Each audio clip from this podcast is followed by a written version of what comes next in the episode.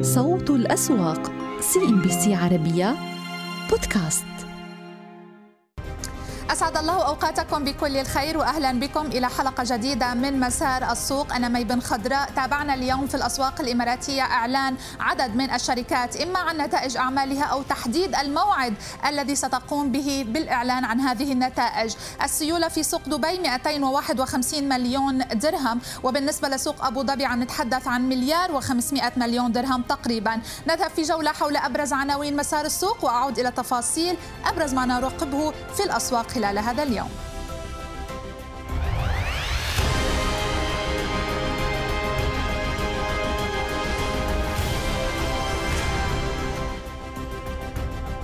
بدعم من سهم العالمية القابضة مؤشر فوتسي أبو ظبي يخترق مستويات العشرة آلاف نقطة مرتفعا على أعلى أو لأعلى مستوياته في أكثر من شهرين. باستثمارات تتجاوز 3 مليارات و630 مليون ريال بلدنا القطرية. تبرم اتفاقية لإطلاق مشروع متكامل لإنتاج الحليب ومشتقاته في ماليزيا. بسيولة تتجاوز 45 مليون ريال ارتفاع جماعي لمؤشرات البورصة الكويتية ورئيس ير والرئيس يرتفع للجلسة الرابعة على التوالي.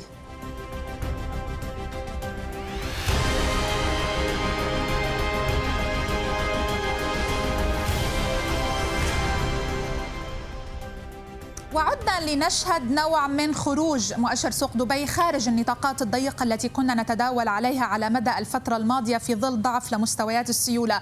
اليوم الجلسة حملت الكثير من التقلبات. صعدنا لمستويات كانت جدا إيجابية قبل أن نقلصها بعض الشيء. سجلنا مكاسب بتقريبا 19 النقطة المئوية يعني تقريبا نقطة مئوية واحدة رافقتها سيولة ب 250 مليون درهم تقريبا وهو رقم يعتبر إيجابي بالنظر إلى ضعف السيولة الذي كنا قد شهدناه خلال عدد من الجلسات الماضية يعني كان في جلسات لم تصل حتى السيولة فيها ل 200 مليون درهم. إعلانات الشركات عن النتائج للربع الثاني والنصف الأول من هذا العام كان هو الملف الأبرز. عدد من الشركات قالت بأنها ستفصح عن نتائج أعمالها. من ضمنها دبي للاستثمار. اليوم سهم دبي للاستثمار حلق للمستويات الأعلى في ثلاثة أشهر مع مناقشة مجلس الإدارة لتوزيع الأرباح والنتائج المالية في العاشر من أغسطس. يعني السهم أساسا اليوم بدأ عملية تسعير التوقعات المتعلقة بتوزيعات الأرباح أو بالنتائج المالية. الارتفاعات بتقريبا 6% وهذا بيعني أنه إذا ما كانت النتائج أفضل من المتوقع وكانت إيجابية قد لا يكون رد فعل قد لا يكون لدينا رد فعل قوي من السهم لأنه نحن شفنا ال pricing على السهم حتى قبل الإعلان عن النتائج. GFH أيضا مجلس الإدارة قال بأنه ستعلن الشركة عن النتائج في الحادي عشر عشر من أغسطس. وأيضا كنا نراقب سهم سلامة. هذا السهم الذي تراجع معنا في جلسة اليوم بثمانية في المئة. مجلس الإدارة أوصى بتخفيض رأس مال الشركة ل 790.2 مليون درهم وذلك لإطفاء الخسائر المتراكمة والبالغة 398.2 مليون درهم. وهذا هو رد الفعل من السهم. تراجعات ب 28 نقطة المئوية. الاتحاد الخليج للملاحة أملاك. كل هذه الأسهم على تراجعات. اليوم إلى حد كبير نجم التداولات كان سهم دبي للاستثمار. عنا تسعير قوي لنتائج على الأغلب ستكون إيجابية وقوية. و GFH أيضا بما أنه أيضا سيكون لدينا إعلان عن النتائج كما تحدثنا بالحادي عشر من أغسطس. أما بالنسبة لمؤشر فوتسي أبو ظبي سجلنا مكاسب بقرابة النقطتين مئويتين والسيولة كانت جدا إيجابية. نتحدث تقريبا عن مليار و500 مليون درهم. كان لدينا مالتي بلاي بروج وموانئ أبو ظبي ضمن قائمة الأكثر نشاطا ولكن الأبرز اليوم هو أدنوك للتوزيع. السهم ارتفع بنقطتين مئويتين. الشركة كانت قد أعلنت عن ارتفاع بالأرباح ب 36% بنهاية النصف الأول وأرباح الربع الثاني ارتفعت ب 71% وصولا ل 891.2 مليون درهم. كان لدينا ارتفاع بالإيرادات بالنصف الأول بتقريبا 65% سنويا والشركة قالت بأنه أولا كان لدينا ارتفاع بأسعار البيع ارتفاع بالكميات المباعة وارتفاع في إيرادات أعمال التجزئة وطبعا ارتفاعات أسعار النفط كان لها تأثير إيجابي على نتائج الشركة. ولاحظوا المكاسب التي سجلها السهم في جلسة اليوم. وصلنا في نهاية الجلسة لأربعة دراهم وأربعين فلس. بالنسبة لقائمة الخاسرين والرابحين العالمية القابضة وجي أف إتش المدرج بسوق أبو ظبي كان معنا في قائمة الرابحين. موانئ أبو ظبي وإيزي ليز كانت معنا في قائمة التراجعات. أما بالنسبة لتحركات أسعار النفط لا يزال لدينا تراجعات سواء على برنت أو حتى على دبليو تي آي ما يحدث اليوم في السوق النفطي هو تسعير لمخاوف الركود. Bank of England قال بأنه يتوقع ركود في بريطانيا ابتداء من الربع الأخير من هذا العام وسيستمر لفترة أكثر من عام. وكان لدينا بيانات اقتصادية أظهرت تراجع في مستوى الطلب الصيني على النفط وهيدا زاد من الضغوط على أسعار النفط. على الرغم من أنه الأساسيات لا تزال تتحدث عن supply deficit وهذا ال supply deficit حتى سيزيد كلما اقتربنا من نهاية العام بسبب ما يحدث من أزمة الطاقة في أوروبا. وهذا الموضوع أيضا سينعكس بالمزيد من الضغوط من ناحية الطلب. ولكن كما نلاحظ برنت على تراجعات ودبليو تي اي أيضا اليوم على تراجعات ب 1.18 النقطه المئويه ولكن بكل الأحوال مؤشر فوتسي أبو ظبي وهو الذي لديه الحساسية الأكبر لتحركات أسعار النفط لم ينظر اليوم إلى هذه التحركات واعتمد بشكل أكبر على نتائج الأعمال. نترقب في السوق السعودي إعلان شركة سابك عن نتائجها المالية للربع الثاني من هذا العام والنصف الأول. بكل الأحوال كانت النتائج إيجابية جدا في الربع الأول ولكن هناك بعض العوامل التي سنسلط الضوء عليها والتي على الأغلب ستتأثر بها نتائج شركة سابك سواء في الربع الثاني أو حتى في النصف الثاني من هذا العام. بداية هذه التوقعات بما يتعلق بنتائج الأعمال. التوقعات بأنه سيكون لدينا ارتفاع بالمبيعات بتقريبا 27 20 في المئة. ولكن التوقعات أيضا بما يتعلق بدخل العمليات أنه سيتراجع ب 17 في المئة. لماذا هذه التراجعات؟ السبب الأساسي هو الارتفاعات التي شهدناها في أسعار اللقيم على مدى الربع الثاني. بحسب ما سمعنا من الكثير من الشركات التي تعمل بهذا القطاع كان لدينا ارتفاع بأسعار اللقيم بالربع الثاني بشكل سنوي بتقريبا 55% وإذا ما قسنا ما بين الربع الثاني من هذا العام والربع الأول ارتفاعات أسعار اللقيم كانت ما بين بين 13 ل 15% وبالتالي هيدا بيضع ضغوط على آه، آه، آه، ضغوط صعوديه على التكاليف الخاصة بالشركة ويخفض وسيخفض على الأغلب من هوامش الربحية. من جهة أخرى كان لدينا حتى يعني بالبيئة الاقتصادية العمومية كان لدينا ارتفاع بأسعار النقل بأسعار الشحن بالمصاريف عموما وهذا أيضا سيزيد من الضغوط على هوامش الربحية. إذا ما عدنا إلى نتائج شركة سابك بالربع الأول من هذا العام كان ال forward guidance guidance يتحدث عن أنه بالنصف الثاني سيكون لدينا ضغط على الأرباح. والشركة ذكرت بأنه السبب في هذه التوقعات تعود إلى البيئة التضخمية المتوقعة والبيئة الاقتصادية عموما والتي قد يكون فيها الكثير من التباطؤ. بالتالي هيدا رح يأثر على مستوى الطلب. والعامل الثالث التي الذي أثارت له التي أشارت له الشركة كان يتعلق بارتفاع معدلات الفائدة. وبالتالي حتى الشركة من الربع الأول عم تتحول تتحوط وعم تعطي forward guidance بأنه الشركة ونتائجها سيكون ستكون على نوع من التراجعات خلال النصف الثاني من هذا العام. بكل الأحوال يجب هنا أن ننوه بأنه عادة الربع الثاني بيكون في نوع من الموسمية بالنسبة للطلب وهيدا أيضا أمر آخر يجب أخذه بعين الاعتبار بتفاصيل النتائج. بالنسبة للأرباح الصافية اذا آه، بحسب التوقعات سيكون لدينا تراجعات بتقريبا 17 في المئة. إذا ما نظرنا إلى شركات عالمية تعمل بنفس هذا القطاع. مثلا داو انكوربوريتد أعلنت بنتائج الربع الثاني أنها رفعت من مستويات الأسعار آه، جزئيا ولكنها لم تتمكن من من تمرير كامل الارتفاعات بأسعار التكاليف إلى المستهلك واضطرت إلى امتصاص جزء منها وهذا أثر على هوامش الربحية. وبالتالي هيدا بفرجينا أنه كل القطاع عالميا وبالمنطقة تحت نفس هذه الضغوط. بالنسبة لأداء السهم مؤشر السوق السعودي كان قد ارتفع من بداية هذا العام بتقريبا 9 في المئة. إذا ما نظرنا لسهم سابك كان لدينا تراجعات على السهم في المئة. يعني كان أداؤه أقل من أداء آه، مؤشر السوق السعودي. حتى من ناحية مكررات الربحية اليوم سهم سابك أرخص. إذا ما قارنا ما بين ال trailing P/E وما بين آه، ال trailing P/E الخاص بالسوق السعودي ولو أنه ال trailing عم عم نشوف فيه طبعا نتائج العام الماضي. وهيدا بيعني بأنه لا يمكن الاعتماد على هذه الأرقام بشكل قاطع. بالنسبة للديفيدند ييلد سابق عم بيتداول على 4.5 بينما بالنسبة للسوق السعودي على 2.8% إذا القطاع ككل يتعرض للضغوط سواء محليا أو عالميا. علينا أن ننتظر حتى نسمع من شركة سابق كيف تتعامل مع هذه البيئة. ومشاهدينا بالنسبة لمؤشر البورصة القطرية اليوم كان لدينا عدد من الشركات التي أعلنت عن نتائجها المالية. دعونا نتعرف على تفاصيل هذه الأرقام. بداية بالنسبة لمؤشر البورصة القطرية لو فقط نلقي نظرة على أداء هذه الجلسة كان لدينا نوع من التقلبات. آه، أنهى المؤشر الجلسة على مكاسب بتقريبا واحد وأربعة أعشار النقطة المئوية. الأبرز فيما تابعناه لو فقط نلقي نظرة بداية على سهم قامكو لأنه السهم ارتفع لأعلى مستوى في شهرين بعد ارتفاع الأرباح بالنصف الأول ب 112% على كل سهم قامكو حتى من قبل الإعلان عن النتائج. كنا عم نشوف عليه مكاسب والسبب في ذلك يعود إلى انفستمنت آه، فلوز آه، من آه، مستثمرين مؤسساتيين. وبالتالي السهم كان عم يرتفع حتى قبل إعلان هذه النتائج. لو فقط نلقي نظرة على السهم كيف أغلق جلسة اليوم بعد الإعلان عن هذه النتائج كان لدينا إذا ارتفاعات وكان أيضا ضمن قائمة الأكثر نشاطا أو عمليا السهم الأكثر نشاطا في البورصة. بالنسبة لصناعات قطر أيضا كان لدينا ارتفاع بالأرباح بأكثر من 57% ل 5 مليارات و400 مليون ريال عن النصف الأول. الشركة قالت بأنه جزء كبير من هذه الارتفاعات يعود إلى الارتفاعات التي سجلناها بالنسبة للإيرادات ب 56 في المئة. بالنسبة لسهم صناعات أيضا بالنسبة للتداولات لجلسة هذا اليوم صناعات قطر إذا أغلق على مكاسب بواحد وثلاثة أعشار النقطة المئوية.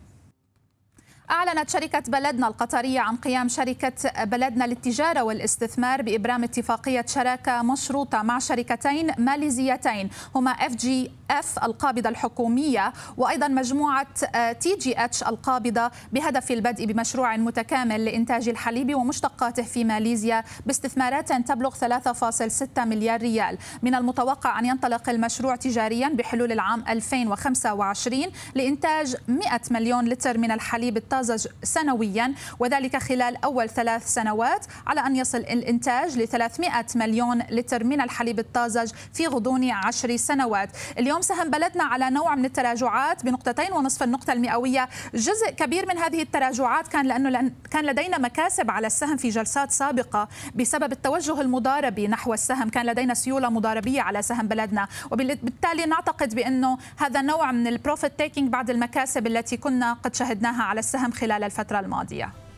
والسيولة الضعيفة لا تزال ترافق البورصة الكويتية في جلسة اليوم. اليوم السيولة كانت فقط ب 45 مليون دينار كويتي. هي تعتبر تعتبر أفضل نسبيا بالمقارنة مع جلسات أخرى. ولكن حتى إذا ما نظرنا إلى أداء المؤشرات الثلاث كنا قد لاحظنا بأن المكاسب جدا طفيفة تحركات جدا عرضية. وبالنسبة لسعر برميل النفط الكويتي لا يزال فوق مستويات ال 105 دولارات لكل برميل. هذا المفترض أن يعطي نوع من السيولة الإضافية للسوق ولكن لم نشهد نشهد ذلك لا بجلسة اليوم ولا بجلسة آه، أمس. وحتى إذا ما نظرنا إلى جلسات الأسبوع الماضي كان لدينا نفس هذا الملف ضعف السيولة. ولكن من أبرز ما راقبناه اليوم في البورصة الكويتية كان إعلان البنك الأهلي المتحد المدرج ببورصة الكويت عن إطلاعه ببيان بيتك مؤكدا الجدول الزمني الخاص بعرض بيتك للاستحواذ على نسبة تصل ل 100% من أسهم البنك. على أن يكون آخر تاريخ للتداول على أسهم البنك الأهلي المتحد في السابع عشر من أغسطس الجاري وتاريخ الإغلاق الأولي للعرض سيكون في السابع من سبتمبر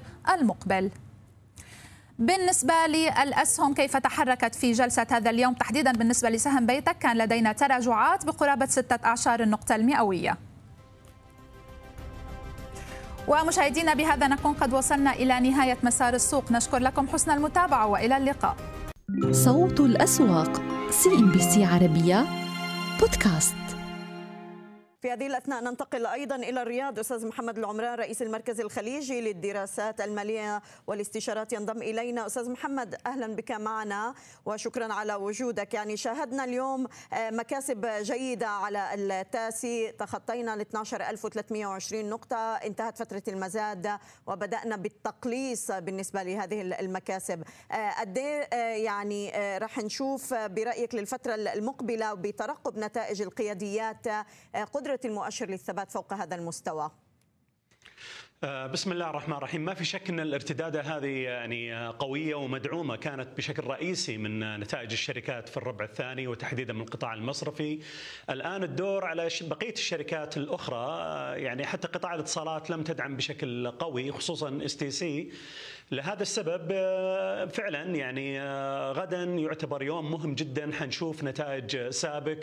وحنشوف ردة فعل المساهمين يعني تجاه هذا السهم هل حيلعب دور فعلا في دعم المؤشر وتسجيل مستويات عليا قياسية جديدة يعني على الأقل في الأسابيع القليلة يعني آه، في ظل هذه الارتداد اللي يشهدها السوق تقريبا من أربع أسابيع ونعتقد إن يعني آه، نتائج سابق حتلعب دور في تحديد مسار السوق خلال آه، هذا الأسبوع تحديدا. نعم. وإحنا شايفين يمكن آه، آه، أغلب التوقعات أستاذ محمد عم بتشير إلى إنه نتائج سابق آه، قد تأتي متراجعه بقرابة 19% برأيك لماذا تأتي هذه التوقعات بالتراجع على الرغم من إنه أسعار النفط ما زالت يعني فوق مستوى ال 100 دولار خلال هذه الفترة؟ هل تكلفة اللقيم ستكون عامل أساسي بالضغط على هوامش ربحية سابق؟ آه هذا احتمال كبير آه أخت ميسا. آه إحنا شفنا معظم الشركات البتروكيماوية خلال الربع الثاني أعلنت عن آه تقلص في هوامش الربحية والسبب ارتفاع تكلفة اللقيم على معظم الشركات تقريبا. شفناها تحديدا في شركة ينساب في شركة كيان اللي آه، طبعا مثل ما معروف نتائج سابق تعتمد عليها بشكل أو بآخر.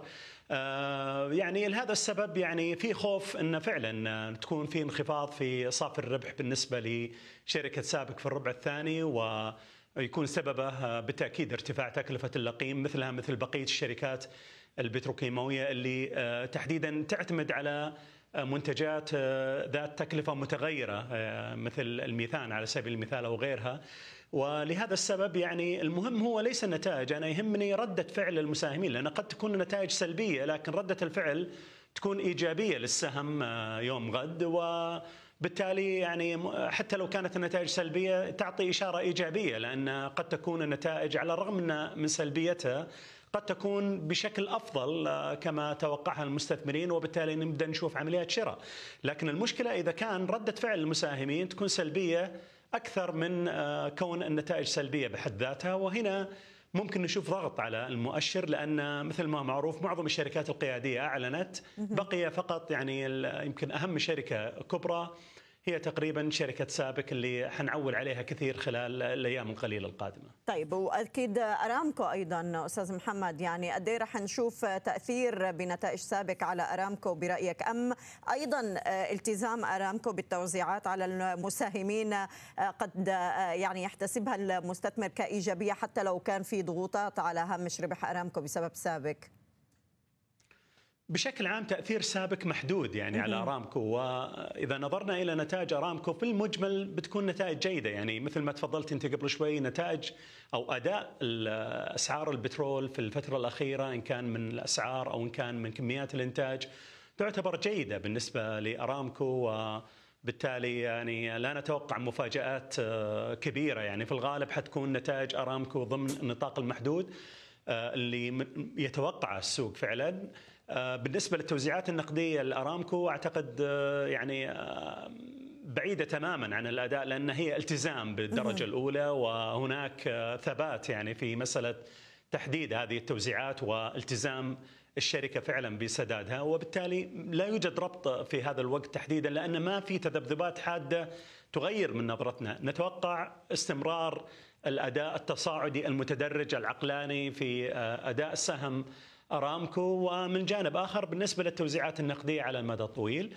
آه وبت آه يعني المهم هو في مثل هذه الظروف آه يعني أعتقد نعول عليه بشكل كبير هو أداء القطاع البتروكيماوي تحديدا الشركة السابك لأن هي تعتبر الشركة القائدة في هذا القطاع واللي تعتبر هي آخر الشركات اللي نتوقع منها يعني نتائج قد تكون إيجابية أو يكون ردة فعل إيجابية حتى لو كانت النتائج سلبية يوم غد. طيب يمكن رقبت معنا أستاذ محمد يعني بنك البلاد والسهم اليوم عم بيتفاعل مع توجه البنك لإطلاق شركة إنجاز لخدمات المدفوعات، قد إيه برأيك رح تكون الشركة قادرة على المنافسة اليوم في ظل قطاع المدفوعات؟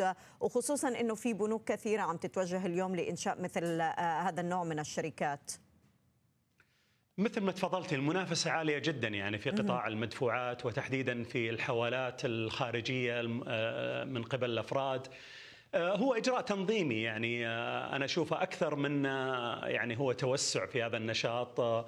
النشاط مثل ما معروف في منافسة قوية إن كان من البنوك العاملة أو إن كان شركات المدفوعات أو حتى من شركات الفنتك اللي حتدخل قريبا يعني خلال الفترة القادمة وحتكون منافس قوي في في هذا المجال إن كان أفقيا أو عموديا.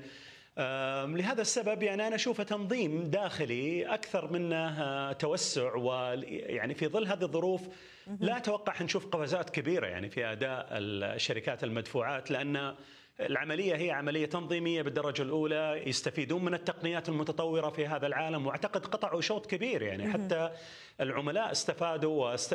فعلا بدأ يستخدمون هذا الشيء. لكن في ظل هذا التشبع وهذه المنافسة الحادة يعني لا نتوقع قفزات كبيرة في الأداء بقدر ما هو إعادة تنظيم ومحاولة الاستفادة. يعني ممكن نشوف أداء يعني هذا إعادة التنظيم حنشوف أدائه يمكن على المدى الطويل يعني ولا نتوقعه خلال السنوات القليلة القادمة. نشكرك أستاذ محمد العمران رئيس المركز الخليجي للاستشارات المالية. كنت معنا من الرياض. شكرا لك. شكرا حياكم الله يا هلا وحول إغلاقات المؤشرات المصرية دكتور معتصم شهيدي عضو مجلس إدارة شركة هورايزون لتداول الأوراق المالية انضم إلينا. أهلا بك معنا دكتور وشكرا على وجودك.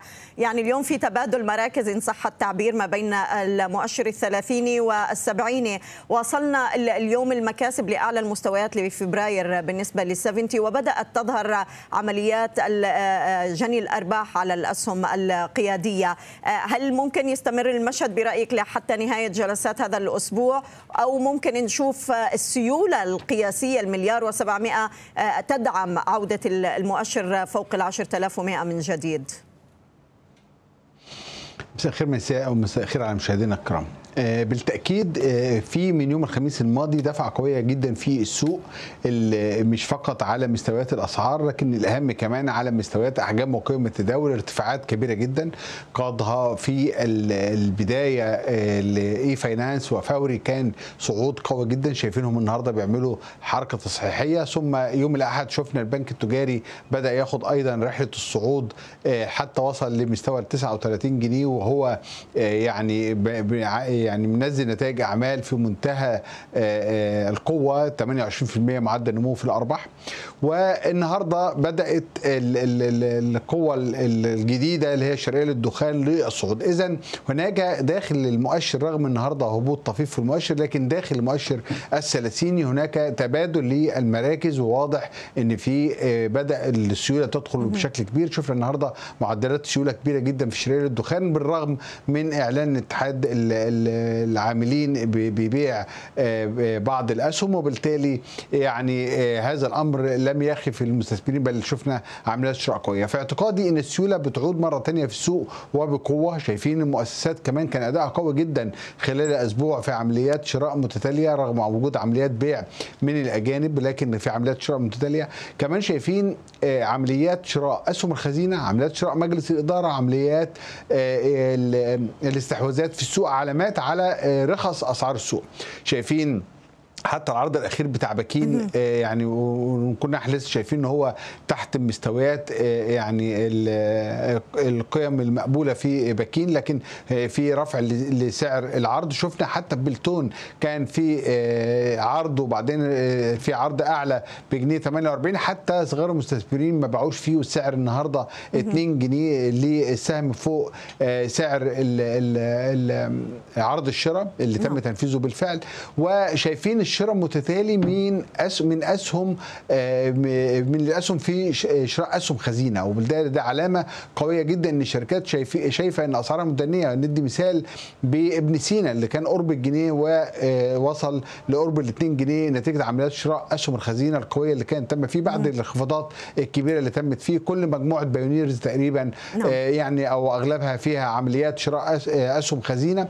أعضاء مجلس الإدارة برضه بيشتروا. اذا السوق بيمر بمرحلة رخيصة جدا في الأسعار بداية صعود لأسعار نأمل إن الأحداث العالمية اللي بتحصل دلوقتي من انخفاض أسعار البترول وانخفاض أسعار القمح ويعني تحسن نسبي في سلاسل الإمداد اللي إحنا شايفينه إن ده يؤدي برضه لتحسن م- نعم. أو يعني الضغط اللي على ميزان المدفوعات المصري يقل وبالتالي هو ده اللي هيكون دافع أكبر لتحسن السوق بشكل كبير. طبعا السوق ما لا شك متفائل بالقيادة الجديدة في سوق المال بشكل كبير وبالتالي ده يعني جعل عمليات ال- ال- التداولات في الأسهم الصغيرة والمتوسطة تكون مندفعة بشكل كبير جدا بأحكام موقعه تداول كبيرة. لكن دايما نقول صحيح. في هذا الأمر آه، آه، نصيحة في غاية الأهمية للمستثمرين إن هم يكونوا واخدين بالهم بشكل كبير من ال- القيم الشركات اللي هم بيستثمروا فيها ما يندفعوش فقط على عمليات شراء في ارتفاعات كبيرة وبالتالي قد يحدث عمليه تصحيح طيب. تؤدي لخسائر كبيرة. يجب أن نركز على القيم المالية للشركات.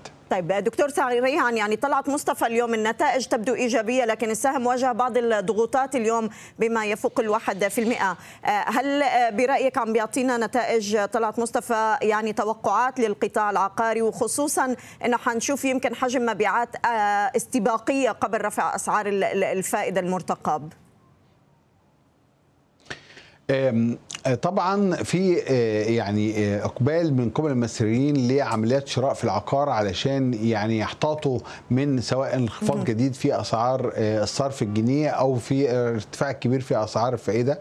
آه، وشفنا ال- ال- النصف الأول من العام كان في مبيعات قوية. آخر آه، يعني حاجة كان شفنا إعمار ومبيعاتها قوية في في الساحل الشمالي واللي عملت ضجة مجتمعية كبيرة في السوق المصري من قيمة أسعار الفلل ومن حجم المبيعات الكبير اللي تم رغم إن الشركة مغيره سياستها وما أعلنتش عن هذه المبيعات رسميا آه، داخل آه، السوق بشكل رسمي لكن آه، يعني حتى نشوف نتائج اعمالها هتلاقي- نلاقيها آه، نعم. قوية جدا طلعت مصطفى شركة رائدة في السوق قدرت إن هي تعمل تعمل مدن كاملة قدرت إن هي تقوم ب يعني افتتاح المبيعات في مدينة نور اللي هي نقلتها نقلة جديدة بشكل كبير في المبيعات أعتقد إن الارتفاعات في التكلفة خلال الفترة الماضية يمكن أثرت شوية على هوامش الربحية لكنها ما زالت تحافظ على هوامش ربحية جيدة جدا بالنسبة لحجم المبيعات. يمكن مش أفضل شركة بالنسبة لهوامش الربحية يعني ال- ال- بالنسبة للمبيعات خلال الفترة الماضية لكن هي من الشركات القائدة